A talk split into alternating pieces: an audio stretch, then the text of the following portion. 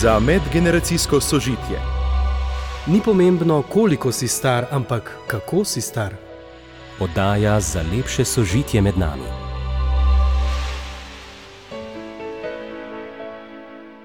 Prijazen pozdrav in dober večer, poslušalke in poslušalci. Danes je prazničen dan za nas, v studiu pa v sklopu oddaj, ki jih redno pripravljamo z dr. Jožetom Ramovšem, naš sogovornik. Prijazno pozdravljeni. Dober večer. Praznovanja so vam pri srcu, dr. Jože Ramovš. Ja, um, so, so. Seveda so. Tudi lepe spomine imam na praznovanje, božič, doma sem bil otrok in tako naprej.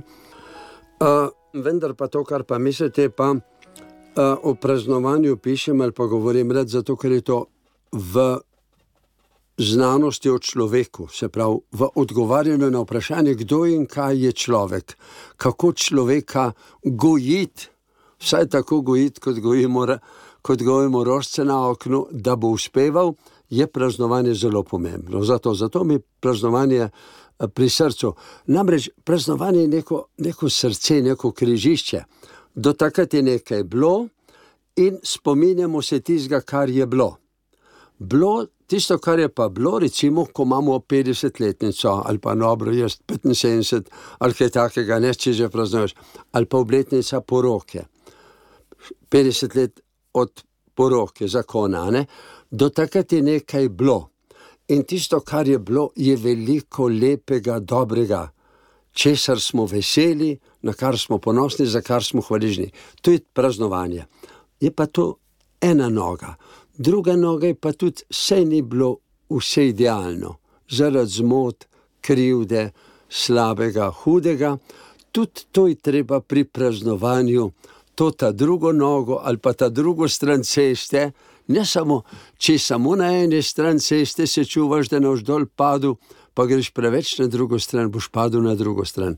Tako da praznovanje je tisto uravnovešena tehnika med preteklostjo, sedanjem veseljem, da smo tu in zdaj, in prihodnostjo, ki je še ni.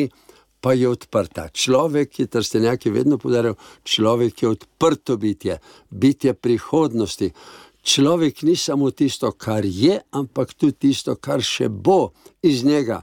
Družina ni samo tisto, kar je, zdaj le recimo ob 18.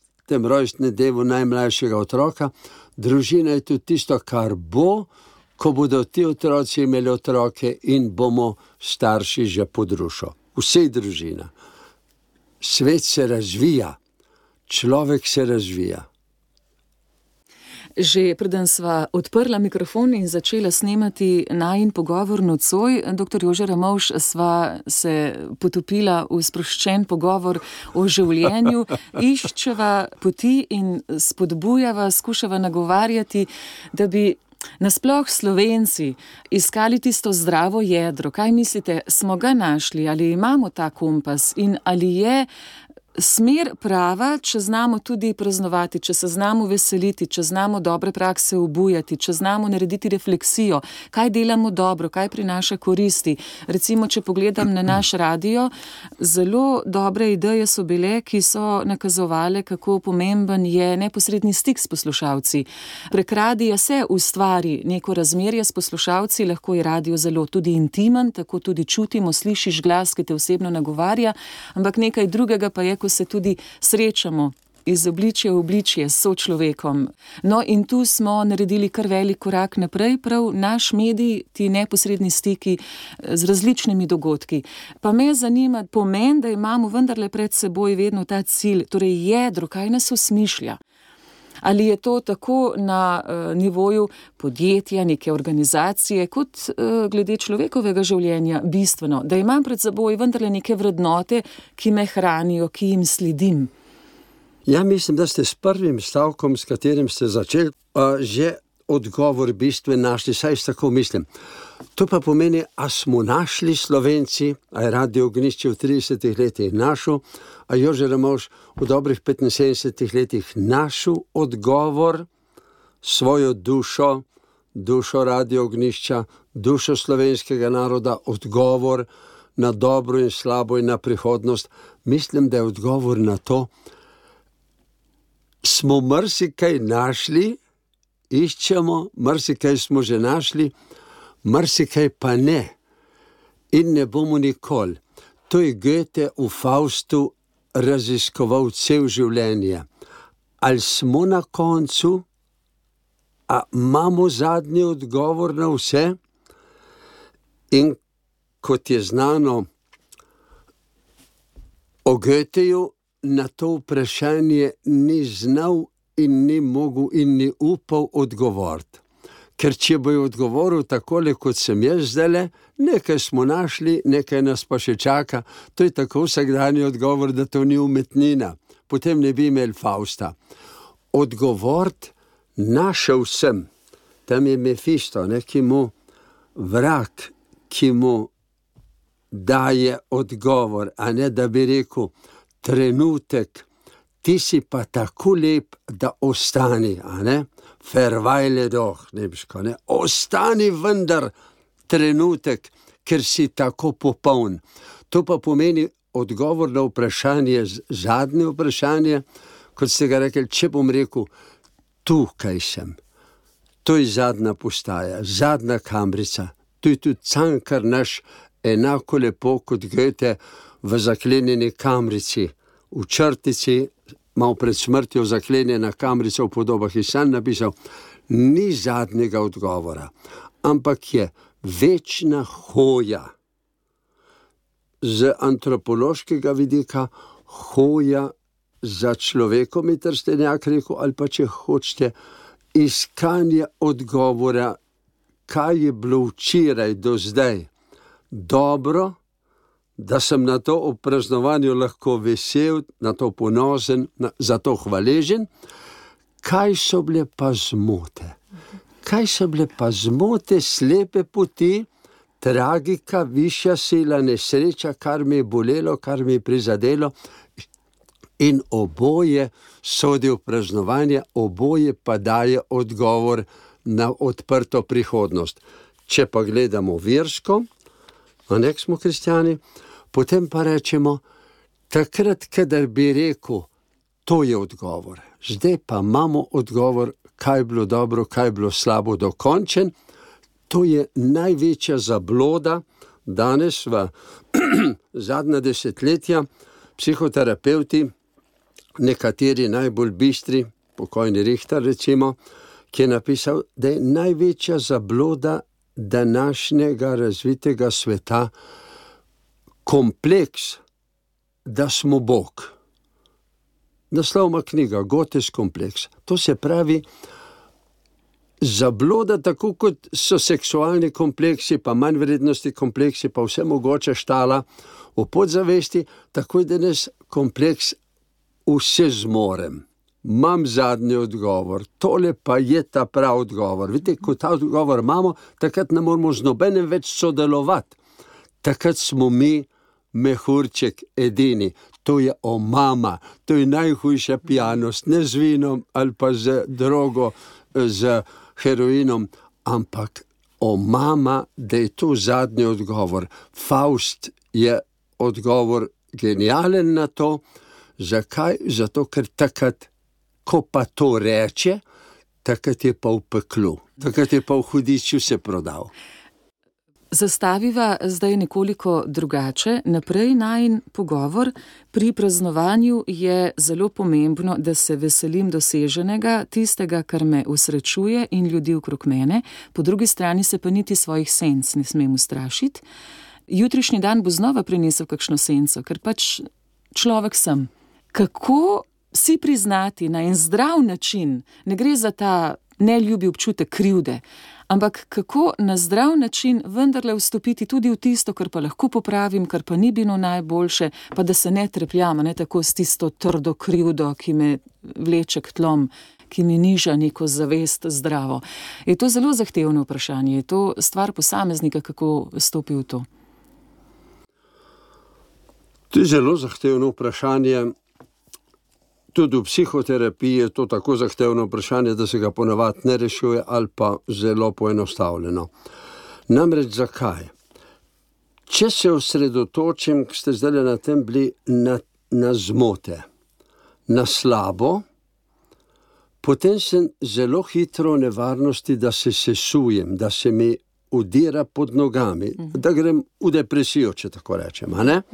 Potem nimam odprte prihodnosti, pa še nekaj je, z nobenom ne morem biti v dialogu. Kadar si samo, ki samo v tem smislu, na robe, na robe, sem ga polomil, konc, ja, la, la, la, razumete? Uh -huh. Takrat si sam sebi smilim in sem zaprt v mehurček, takrat mi ne more noben pomagati, ne človek, ne Bog. Torej sem zaprt in ni rešitve. To je depresija, to je bolezen. To je lahko telesna bolezen, možganska, če možgani tako delujejo, presnovno, to je lahko duševna bolezen, če sem z idejami ali s čimarkoli, z usmerjenostjo, z vzgojo usmerjen v to nenehno kesanje zaradi kesanja, sesipanje sam v svojo črno luknjo. Je pa to lahko in ponavadi tudi tega ne zraven, duhovno, duhovna bolezen. Duhovna bolezen pa je to, kar smo prej rekli samozadostnost. Samozadostnost. Tudi idejna, tudi verska samozadostnost, prepričan, da imam dokončen prav. Lejte, in v tem primeru, pa če sem še tako ponižno veren, pa še tako relativen, v končni fazi s svojim prepričanjem, da je moje mnenje dokončno, zadnje pa pravilno, nisem učljiv in se delam Boga. To je, to je to. To pa pomeni, katero gledanje na svojo preteklost, na katero kesanje je zdravo. Zdravo je tisto kesanje, ki je odprto, ki je dialog. Če hočem se ist prav kesati, moram prav, recimo v družini, kar na robe delam, moram poslušati druge ker kar sem v družini na robe delal, v končni fazi drugem škodi. A drži. In če vidim, čutim, so doživljam, kaj je bilo moji ženi sla, slabega zaradi mojega, otrokom, kaj je bilo slabega, odraslem, komorkoli, sodelavcem, sosedom, gledajte, takrat pa ni to sesedanje, pomilovanje samega sebe, ampak je to dialog, je to odgovor na njihovo škodo, na njihovo bolečino, na njihovo slabo. Tako da kesanje je dobro samo takrat, kadar je to dialog, dialog s škodo pri drugih, z bolečino pri drugih z bolečino v celem stvarstvu, v celem narodu, v celem verskem občestvu, z bolečino Boga, ki ga tako boli, Bog se čist nič ne maščuje, krščanski, mm. tako je, tako verjamo, a ne se nič ne maščuje, maščuje se nam, maščujejo se nam neumnosti v življenju po naravnih zakonitostih, fizikalnih, bioloških, psiholoških, socioloških zakonitostih, se nam vse neumnosti maščujejo, to je res, vendar pa ne Bog. Ja, Bog pa čuti mm. in trpi. Križ, križ je samo božje sočutje z nami. In če sem v dialogu z ljudmi ob svoji krivdi in zmoti, pa če sem v dialogu z Bogom, potem pravzaprav dobivam od ljudi in od Boga pomoč in sicer informacijo, kaj je bilo narobe, ta pravo informacijo, ne svojo iluzijo. Kesanje, ki je depresivno, je iluzija. Sesipam se sam vase tam, ker mislim, da si treba sesipati. Ne vemo pa, če to res tako. Da bo zelo jasno, gospod Jožer, imaš torej dialog. To je težka misel. Ja, samo da bo zelo jasno, retorično povedala poslušalkam, poslušalcem, s kom smo potem v dialogu. Preprosto, da poslušam, kaj je nekoga bolelo ob mojem početju. Dialog je zmeraj pozornost da ne rečejo čuječnost, budnost, je pozornost. To se pravi, dialog nam omogoča oči, ušesa, pa tudi drugi čuti. In če gledam okrog sebe odprto, ne zaprto, odprto. To se pravi, da srkam vase to, kar se dogaja okrog mene, pri ženi, pri otrocih, v družini, v družbi, v cerkvi, potem je to dialog. In na to odgovarjam. Če sem pa veren, pa sem pa Bog, pa Boga. Bog, ti si, ti trpiš, kadar, kadar se jaz motim, kadar ga jaz lomim. Ti trpiš, križ je to, a ne? In lejte, kadar nekdo trpi zaradi mojega, pa če jaz z njim pridem na isto valovno dolžino, kot dva če pojeta, recimo v terci ali kakorkoli, pa je dvoglasno, si jaz pridružim petju njega. Če je kesanje, da poje meno glasno, sam seboj, to ni kesanje, ampak je depresija. Če pa se pridružim njemu, ženi, otrokom, današnji družbi ali čemur koli, v čem trpi, zaradi moje zmote, zaradi moje, zaradi moje nemarnosti ali pa zaradi moje krivde, ali pa Bog. Takrat sem pa na valovni dolžini, takrat je pa lepa melodija. Ta melodija pa je, je boleča, je žalostna, vendar je pa tudi zmagoslavna. Zato, ker je že rešitev. V tem antropološkem konceptu o človeku, v tem odgovoru, kdo je kaj človek, človek je odprto biti, biti razvoja, vendar pa na temelju napak in na temelju uspehov, na temelju obojega. Brez uspehov nimamo samo spoštovanja, nimamo zavesti, se razpademo, brez zavesti svojih meja, pa nimamo razvoja odprtega, ker smo zaprti v mehurček, kot ob COVID-u. Ja. Skratka, dialog, ampak pri dialogu sta dva. Lahko sem pripravljen in odprt za dialog, ni pa rečeno, da bom z nasprotne strani tega deležen. Pa v družini, recimo, če tam to zmorem, je pa potem morda večja zahtevnost, eh, skupnost, družba. Vzem v primer, eh, ki ste rekli eh, tukaj naprej. Radio Ognišče ob 30-letnici je veselo, ponosno, hvaležno, da je odprlo neposreden dialog s poslušalci. Danes jih imamo 29, vstopamo pa v jubilejno 30. 30. To pa, to pa pomeni, gledajte, da v, v 29. in 30. letu imate eno od stvari, ki ste veseli, dialog s poslušalci. Ne indoktrinacijo samo, Ker če samo vi govorite, samo zaposleni ali pa samo lastnik ali kakorkoli, ne, potem je to indoktrinacija po nekem konceptu. Če pa dialog s poslušalci, ta monolog indoktrinacije je lahko tudi zelo všečna. Če je bolj všečna, hujša je manipulacija. Ne? To se pravi, tam, kjer, kjer je všečkal največ, nacizem je imel od nemškega naroda, ko se je uspenjal gor, največ všečkal. Večina naroda, 95%, je bila navdušena nad tem, kar so delali. Ja, to je zanimiva misel. Ja. To je zanimiva, letja. To pa pomeni, da bolj samo všečki niso manipulativni. Ampak hm. je monolog. Hm. Nacizem je bil monolog sam s seboj, hm.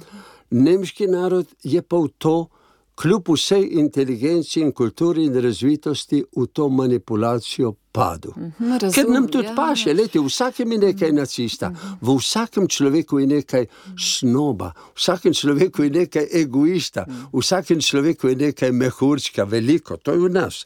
In zato, ker nekdo fajn, spretno. Uh, manipulira z našimi slabimi težnjami, da se zelo razcveto, sebičnost, pohleb, egoizem in tako naprej, mi smo največ, nad, nad človek, takrat nam to godi. In to hitro, vendar pa dolgoročno, nacizem je samo 12 let uspeval. In v 12 letih se je skrhal in nemški narod, kot vzamemo cel, leti po vojni, dve, tri generacije čisto to svojo zmoto, pa krivdo zelo odprto sej ne bom kol čist počistil, ker zmeraj novo prihaja. Ampak noben narod v nobeni kulturi, noben narod ni svoje zmote pa krivde tako znanstveno, politično, kulturno, šolsko čisto, kot so to Nemci delali po vojni. Ne z Nürnbergskim procesom se je začelo, ampak to so delali zavezniki. Zavezniki so poobesli, pa obsodili. Ta prve, medtem ko šolstvo in cel njihov sistem, kultura, prizadevanje, politika, pa to dela še danes. Delno uspeva, delno ne, ker so to hude travme. Tako da, gledite, ta dialog, ta dialog je tisti, ki odpira. In radio ognišče pravi, ti šel dialog. To, kar ste pa zdaj rekli, je vsaka stvar na svetu, je ni na svetu idealne stvari, je ni, ni nikoli ne bo, ne pri človeku, ne v naravi, ne kjer vse v razvoju. Zato je pri najboljši stvari zmeraj tudi virus noter. Kaj je ta virus? Virus dialoga. Virus dialoga se pa tam začne, ker meni ni več, ker sem samo še mikrofon, ki sprejema od drugih, potem pa izgubim svojo identiteto. Leti v slovenski kulturi, po slovenskem narodu, pa tudi morda tudi v slovenski cerkvi je tega, kako bi rekel, identitete, te integritete, ponosa, tega jedra, malo premalo. Mi ne, na nek način, kot da nas je sram, da imamo svoj jezik, da imamo svojo kulturo, da, da imamo svojo vero. Tako da z ene strani je monolog, ostanemo pri nacizmu, ker ni naša. Ne? Z ene strani je tako napihnjeno, navidezno ponosen na se, da vse druge pohodi, stanki, recimo nacizem, če vzamemo, ker lažje v drugem govoriti kot o sebi. Z druge strani je pa noter v sebi, ima tako malo jedra, pa šibkosti, da je manj vreden, da ne upajte v dialog. Naredi olimpijske igre, ampak ne olimpijske igre, ker bi si srečal v Münchnu 36 let, ali kjer ga so že bile, ki je nacizem jih naredil velike. Da bi se srečal cel svet v veselju športa, pa dialoga različnih, ampak samo zato, da bi se trkal po prsih, mi, mi, mi, gledajte, kaj smo mi. Tu je tudi, recimo, Frankel je bil v Terezijem štatu, eh, pa njegova družina, pa žena tam mu je oče umrl. Na, v, to je zbirno taborišče, bilo na češkem za jude, ampak samo zbirno. Tam so imeli sinagogo, tam so imeli šolo, tam so imeli vrtec, tam so imeli vse judovsko. In tam so vabili američane, ruse, vse države, pridite gledati, kako mi jude podpiramo, samo nočemo, da ta gulažen škodo dela eh, po svojim pohlepom, pa dro, drugim. Vendar je pa bil Terezijen štat, Terezi, eh, na češkem samo zbirno mesto, odkamor so jih vozili v Auschwitz. Auschwitz pa niso kazali. Lete, tako da taka samozavest, ki je samo reklama, samo hvali se in danes svet živi na kokodakanju, ne, ne malo premalo užitnih jajc, zdaj samo kokodakamo pa zelo. Leti se živi, vsi mediji živijo od reklame. Kaj pa je reklama?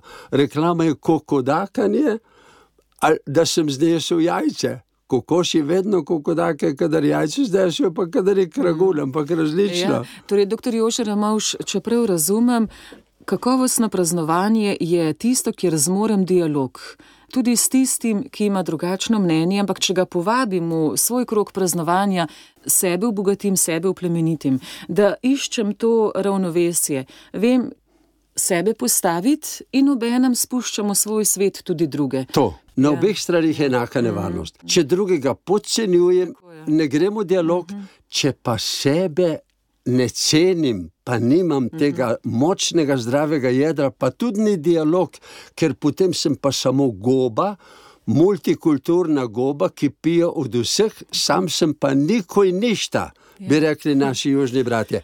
In nevarnost slovenske kulture, zlasti naše desne, krščanske, pa tudi desne, samo svetvene, je, kako bi rekel, ta z ene strani imamo tradicionalno identiteto, ki je zelo močna, danes pa na nek način nima ugleda takega, to je bilo že med vojno, obranimo sebe in svoje vrednote, pa tudi svojo moč, družbeno. Menila pa je ta, da bi bila Evropa krščanska. Lejte, kaj govorijo, kaj papeže govorijo. Pa ne samo sedajni Frančišek, tudi Janez Pavel II, ki je svetnik.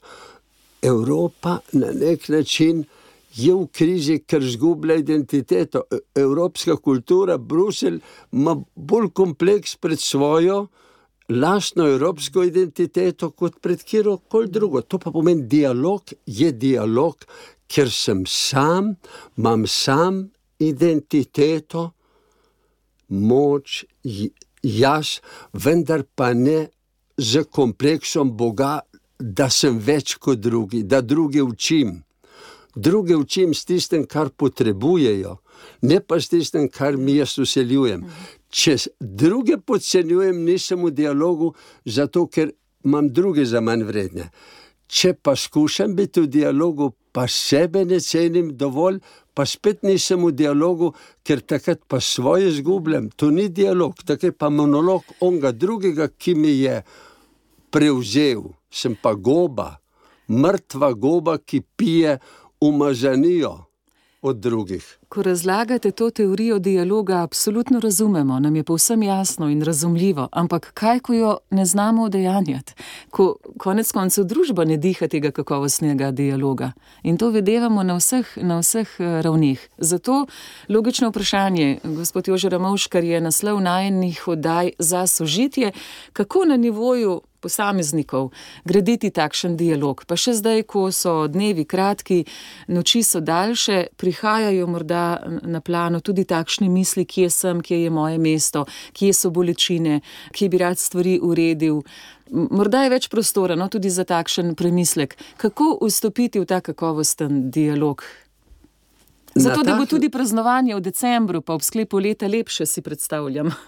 Lede, ko se, se skupaj dobimo v praznovanju, k praznovanju ali božiča ali obletnice, kaj se tam dogaja?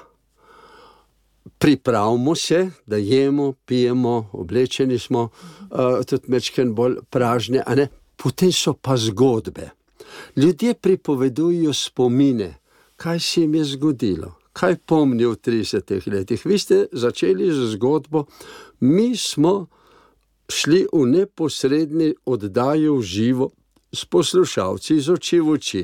Bolj ta srečanja, srečanja prireditve, dogodki, mhm. izleti, skupni, ne vem koliko, in v živo, kolesarjenje, pa, pa se mhm. odjavljajo tam pa z ljudmi in tako naprej. Se pravi, ta živ stik, dialoški stik, to so zgodbe. Mhm. Dialoga se ne moramo učiti to, kar jaz zdaj le delam, ali pa medva, z pogovorom o dialogu, z metakomunikacijo. Res je, eh, na, te, na terenu se pa zgodi, na terenu so pa resnično so pa same zgodbe. Same zgodbe. To pa pomeni, če hočemo, da bomo dialog gojili, recimo dialog, zdaj le sinodalnosti v cerkvi, sinodalnosti je učenje dialoga.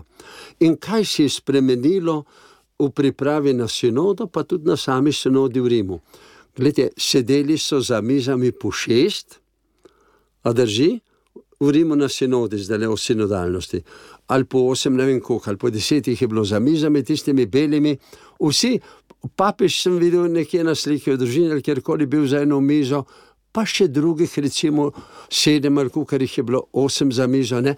In so pripovedovali o, tej, o tem vprašanju svoje zgodbe, svojo izkušnjo, svoje doživljanje, svoje mnenje, svoje spoznanja.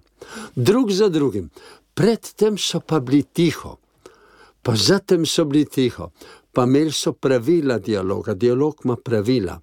Dialog pomeni, da jaz tebi ne ugovarjam, če, če si povedal svojo zgodbo, dokler mi dva teorijo razpletava o dialogu, kot jo jaz zdaj, oziroma medva, tuk časa gledite, se bova nadmudrivala, kdo več ve o tem.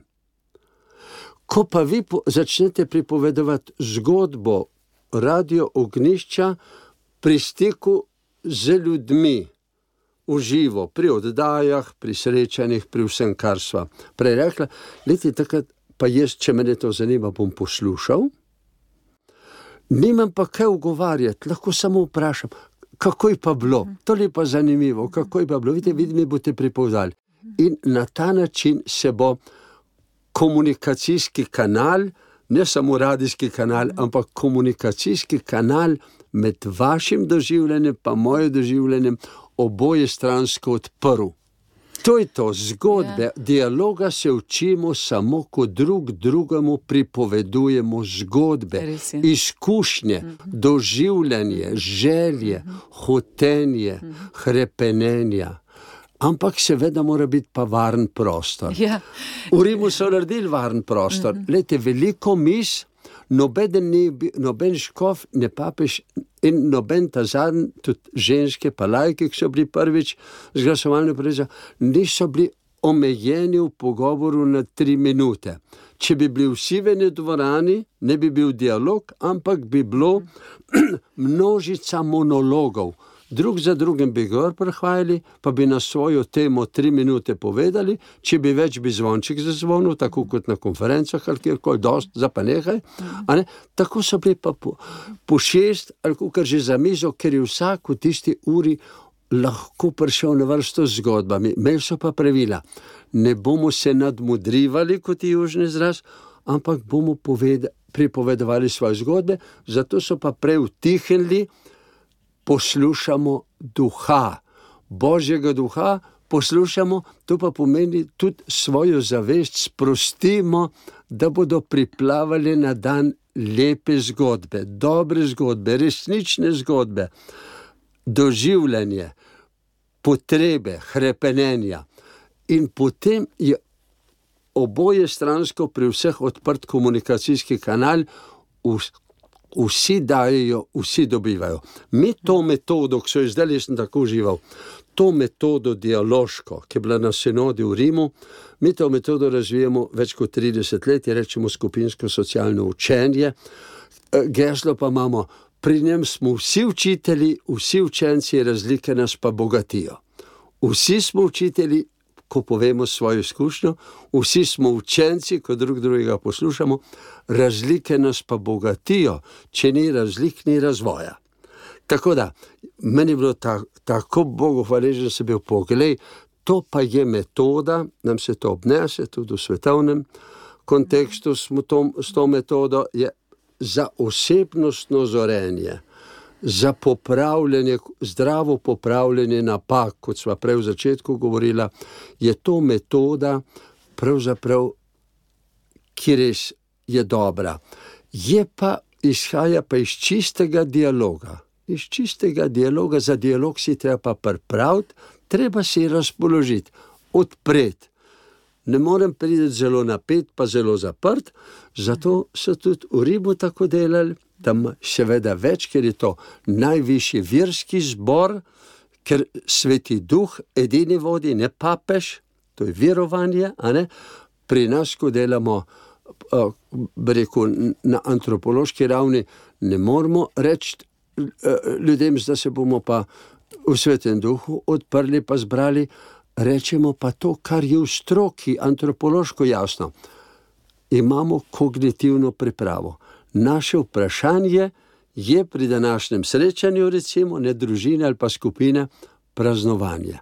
Kdaj smo doživeli lepo praznovanje, kaj se je dogajalo? Utihnemo tri minute, pa lahko se tudi skiciramo, tri ali ne, potem bomo pa pripovedovali.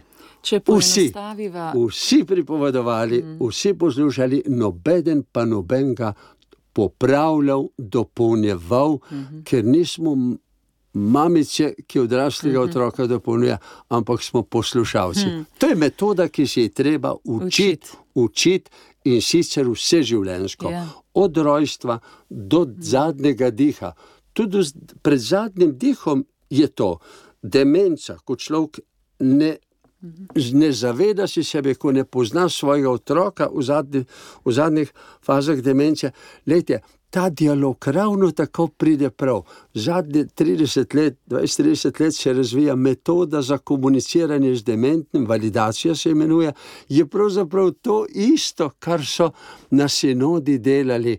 Seveda z dementnim je bolj enostranska, ker on ne more, dementna mama ne more več k meni, ker me ne pozna, jaz pa lahko grem k njej in je dialog, validacija je dialog. Zdaj sem šel malo mm. pri tem, kar delamo 30 let, ne, uh, mi je malo zaneslo, tako da sem navdušen, ampak upam, da sem vam odgovoril na vaše vprašanje. Učimo se tega z zgodbami, s pripovedovanjem tega, kar celostno doživljamo, ne z nadmudrivanjem tega, kar mislimo in hočemo. Tisto, kar mislimo, če samo tisto, bomo šli v ideologijo pa makar versko, ali pa, ali pa ateistično. Če samo tisto, kar hočemo, bomo šli v mobbing, v nasilje, v posiljevanje, v vojno, v usvajanje, v obrambo svoje moči, v obrambo svoje moči, tudi vojna. Vojna je obramba in to. Dokler sem samo na, na moči, samo na moči moje, tukaj časa ne more biti drugače. Če pa se razpoložim, da rečem, da ima grih tako izkušen v družini s praznovanjem, kot jaz. Pa sem radoveden, Bog ve, kaj je hčerka, žena. Lep ga doživlja v naših praznovanjih 30 let, ali pa zaradi moglišča. Leti, če, če naredite v okroglo mizo, a, šestih novinarjev, pa šestih poslušalcev o praznovanju, enkrat v tem letu, pa rečete, kot, kot so nas enodi v Rimu v papežu delali, zdaj se pa zberemo, kaj ima kdo res doživetje, da je pa plodno bilo od radia ognišča, od poslušanja, od oddajanja, pa bo to trajalo eno uro. Če bo recimo deset ljudi, bo vsak povprečno recimo 5-6 minut, ampak boste imeli eno bogatstvo šestih novinarjev ali pa petih novinarjev, petih poslušalcev, kaj so doživljali. V tem primeru je to dialog. Tako da dialoga se učimo z zgodbami po, po kako reku, pravilih lepe pogovorne kulture, da poslušamo, pripovedujemo, spoštujemo ne prekinjamo in ostajamo pri tisti temi, za katero smo rekli, da, oziroma katera je zdaj na vrsti. Ne da enega, ah, to ne da mu drugo, ah, to ne da mu drugo. To ni dialog, to je posiljevanje s svojim. Mm. Ja, sem želela malo prej reči, če poenostavimo. Zdaj bomo imeli veliko priložnosti, ko bomo skupaj sedli za mizo in preprosto ob določenem ob določeni tematiki si dovolimo ta pripovedovanja, doživetja skozi leto. In takšno praznično omizje eh, se bo vedno sklenilo s prijetnim občutjem. Čim pa bomo začeli, glede na neke svoje prepričanja, mišljenja, ocenjevanja družbe, stanja, v katerem smo, potem je pa nesporno konflikt. Zagotovo. E, zato spodbujava, pripovedujmo si zgodbe, izberimo si pa neko izhodišče, istočnico. Tako. To je oblika pravega praznovanja. To. Ali pa neko zagotovilo, da bo praznovanje lepo Praznovanje je samo dialog, ja, takšno ja, ja. ali ga pa ni. Mm. Medtem ko tam, kjer se pa res prizadevamo s svojim, to je pa delo. Uh, življenje je šest dni je delovnik, en dan je pa praznik v tednu. Mm. To pa pomeni, da praznovanje, ko je čisti dialog. Mm. Ko živimo za biti človek, ne za imeti vse potrebno za preživetje, je čisti dialog, je molitev, če rečemo krščanstvo, je mistika, je kontemplacija. Šest dni je pa delo. Pri delu, delo, sodelovanje je tudi dialog, vendar pa velik del dela je pa treba upraviti sam, brez sodelovanja, za celoto. Tako da mi dva zdaj seveda nismo govorili o delu, pa v delavnikih, ampak v prazniku, v enem dnevu, v nedelji je pa tudi ponedeljek, torek, sreda, četrtek, petek, pa še sobota, sobota je že na pol praznika. Ne? Pa ne zato, ker so ljudje imeli za nedeljo tudi, ampak je danes vikend, danes imamo dva dni. Praznovanje leta, tudi to je znak, da človeštvo se razvija. Sužni in tako naprej so imeli ali pa niso imeli. V judovstvu so tudi vsi, da tako rečem, sužni, služabniki, prodani ljudje, pa živina mogli praznovati, so imeli v postavi tako. Povsod pa ni bilo tako. V, v rimski, grški so sužni bili nižji od živali, brez pravic. Ampak vendar en dan, vsi ti tedni so na sedem dni in vedno je bil praznik, praznovanje, sla, slavljenje ali kakorkoli zabiti, en dan, šest dni pa za delo. Naša civilizacija je prišla že do tega, da lahko dva dni praznujemo. Dva dni imamo brez službe, najmanj dva dni. Pa gre že počasi na to, da bo delovni tednik teden še krajši, ne več 40 ur, ampak recimo, da ne rečemo 36 ali pa potem 32 dni, to pa pomeni, da bo že dobra polovica tedna samo za preživetje, za garanje, da preživimo, da, na, da imamo vse potrebno socialno varnost, ker imamo socialno varnost zagotovljeno že tako, da nam ni treba garati 6 dni po 12 ur, kot je bilo celo zgodovino, v povprečju, ampak je dovolj že pet dni po osem ur, održi službe. Pa bo še manj prišlo, samo na štiri, tri dni. To pa pomeni, da se nam odpira prostor za razvoj osebnosti in za razvoj sožitja s tehnologijo, ki na mesto nas dela, ko bo pa, ko bo pa zelo v nekaj desetih, dvajsetih letih se razmahnila, razmahnila pametna tehnologija, pametna inteligenca, ko ne bo treba več tovornjakov, pa vlakov voziti ljudem po noči in po dnevu za dostavo, bodo avtomatizirali. To bo že jutri, a ne? Lete bo tega časa, tega posvečenega nedeljskega prazničnega časa za dialog, za zgodbe, za osebnostno rast, za rast medčloveškega sožitja, za rast duhovnosti, vernosti, kontemplacije, če dalje več. To je velika priložnost in človeštvo bo imelo v prihodnosti možnost razvoja take, kot jih nikoli ni imelo v preteklosti, ker v preteklosti je bilo treba garati, garati, garati, pa še so bili lačni. Celo zgodovino so bili ljudje lačni, pa zeblo jih je, pa oblečni so imeli kaj, če so še tako garali.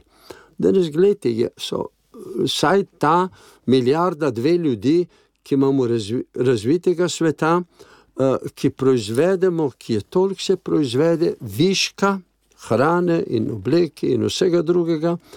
Uh, drugi pa tudi, druge kulture pa tudi niso, se vidite, kako naglo Azija, Južna Amerika, Afrika in tako naprej gre v tem avtomatizaciji tehnologij.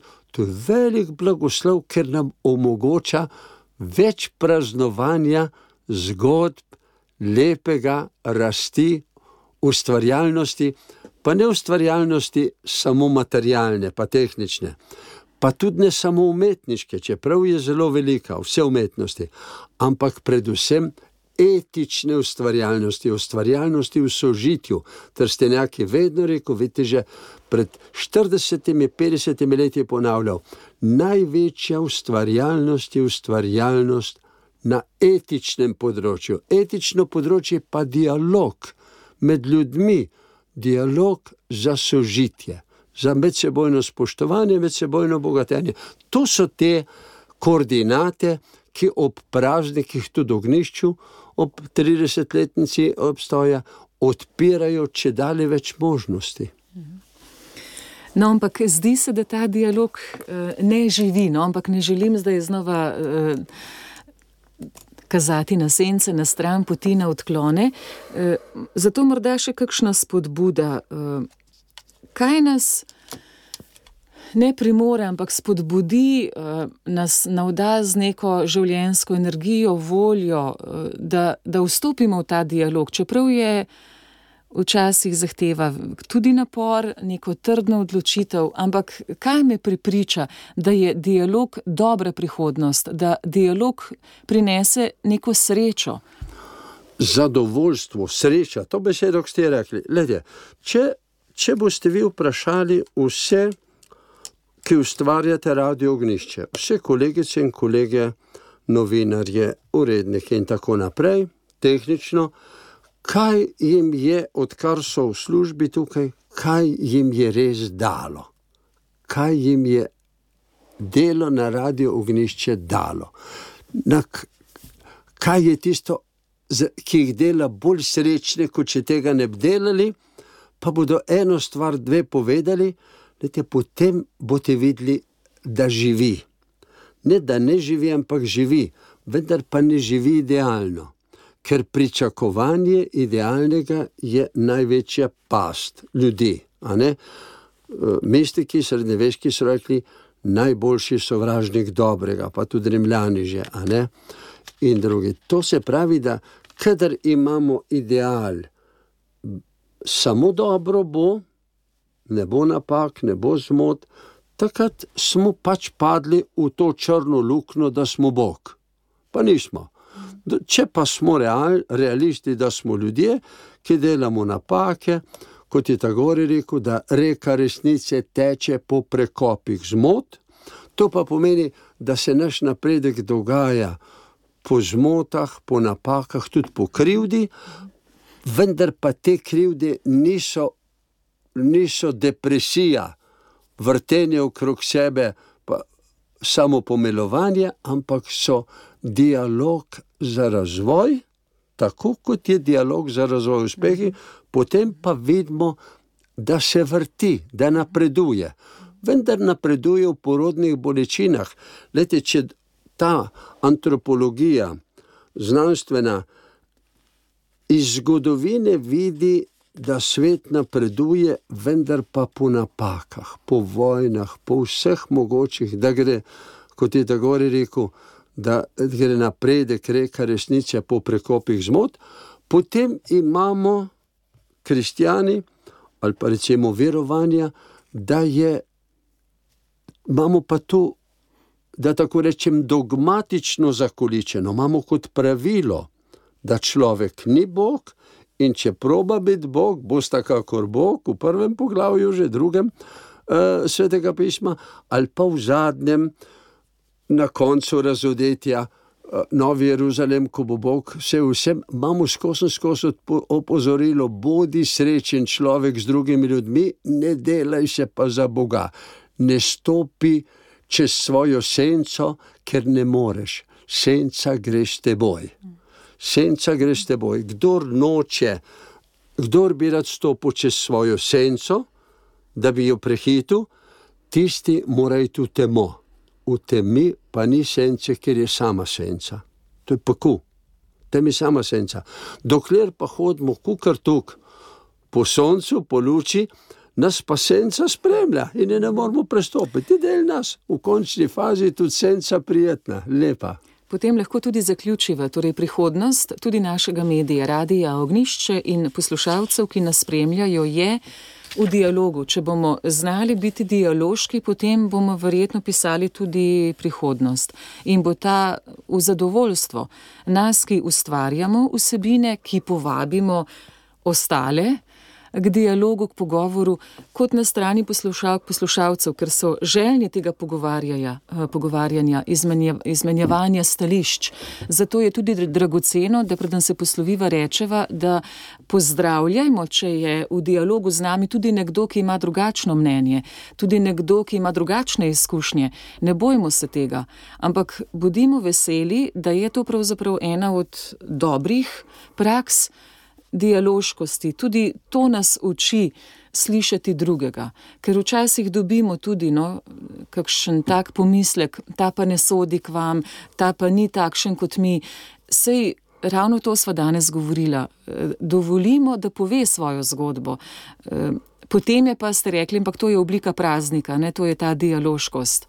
Eh, potem je pa delo preostale dni, ko pa iščemo argumente za morda svojo idejo, za morda tisto, za kar se zauzemamo, se nam zdi boljše. Eh, takrat pa zbiramo argumente. To je pa delo, to, to je pa, pa neka delo. druga oblika ne, našega delovanja. To je pa do, potem, do, ja. do 31. obletnice, pa spet tako. delo, pa še kakšne prazno komes. Ja. So pa ljudje, ki v isti rok trobijo, ponavadi prijetni. Mhm. Kakšne imamo radi? Mm. Zakaj so nam tako prijetni? Zato, ker nimamo dosti trdnega jedra, identitete. Mm -hmm. In potem nam jo drugi podpirajo. To je tako kot gorenski kozovc, mm. ki ni topler, ne? pa mm. sam ne moreš stati, pa mora imeti z vsake strani podpornike, je, ja. vse podprto. Leti, tako da, ko zbiramo pa naj to, kako bi rekel, velike stranke, kot je nacizem ali karkoli, ali pa v drobnih stvarih iščemo, pa čakamo pri promociji knjige ali karkoli, kdo bo pohvalil, kdo bo pohvalil. Ja, bo mal podprl mojo identiteto od zunaj. Vse to je dobro, to je zelo dobro. Se s tem namenom konec koncev ustvarjamo? Ustvarjamo, ja. vendar pa ustvarjamo zato, da bi moje, ki je različno od njegova, njega obogatilo, njegovo, ki je različno od moje, pa meni obogatilo. Dokler samo glika skup štriha je lušno, vendar pa je to podpiranje šibke identitete, malo za hec, malo za res. Razumem, razumem. Oboje ja. je treba. Oboje. Zato je dobro tudi sprejeti neko zdravo, nekulturen način sporočeno in spoštovanjem tudi kritiko. S hvaležnostjo, z navdušenjem. Jasno. Ja. Jasno. Jasno. In dovoliti to dialoškost. To je, dialog, no in... to je del dialoga. Tako. To dvoje smo zdaj dala uh, kot darilo eh, radiju ob 29. rojstnem dnevu. Ja, učimo se te dialoškosti, morda je to uh, tudi dobra smernica najnih uh, pogovorov naslednje leto. Bo vas skušala graditi ta dialog. dialog. Dialog, ko je praznik in dialog, ko je delovni dan, če ste za dr. Jožera ja? Mož. Zato, ker. Uh, Da ne izgubimo kompasa, da, da ohranimo ta dialog, da smo v pogovoru da se učimo slišati tudi idejo drugega, Tako. da nas ne ogroža, da jo sprejmemo in iščemo dobrobiti te ideje. Samo to je konec koncev prihodnost tudi slovenskega naroda ne? in prihodnost slovenske družine, prihodnost slehrnega. Če bo sposoben stoično eh, svojo idejo vendarle usporedno stopati naprej, eh, tudi ob idejah ostalih. No, tu, tu veliko krat klecnemo.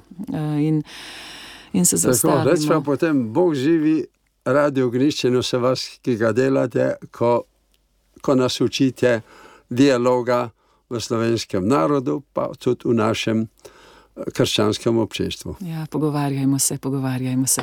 Hvala lepa, ker ste se nocoj pogovarjali z nami, da smo lahko tako sklenili lep praznični dan tudi poslušalkam in poslušalcem. Pred nami so takšni dnevi, vstopamo v decembr, ko bo veliko priložnosti, da bi povabili so ljudi v dialog, ali je to domač krok, krok sorodstva, ali so to sodelavci, kolektivi, pa bodimo dialoški tudi na ulici z neznanci.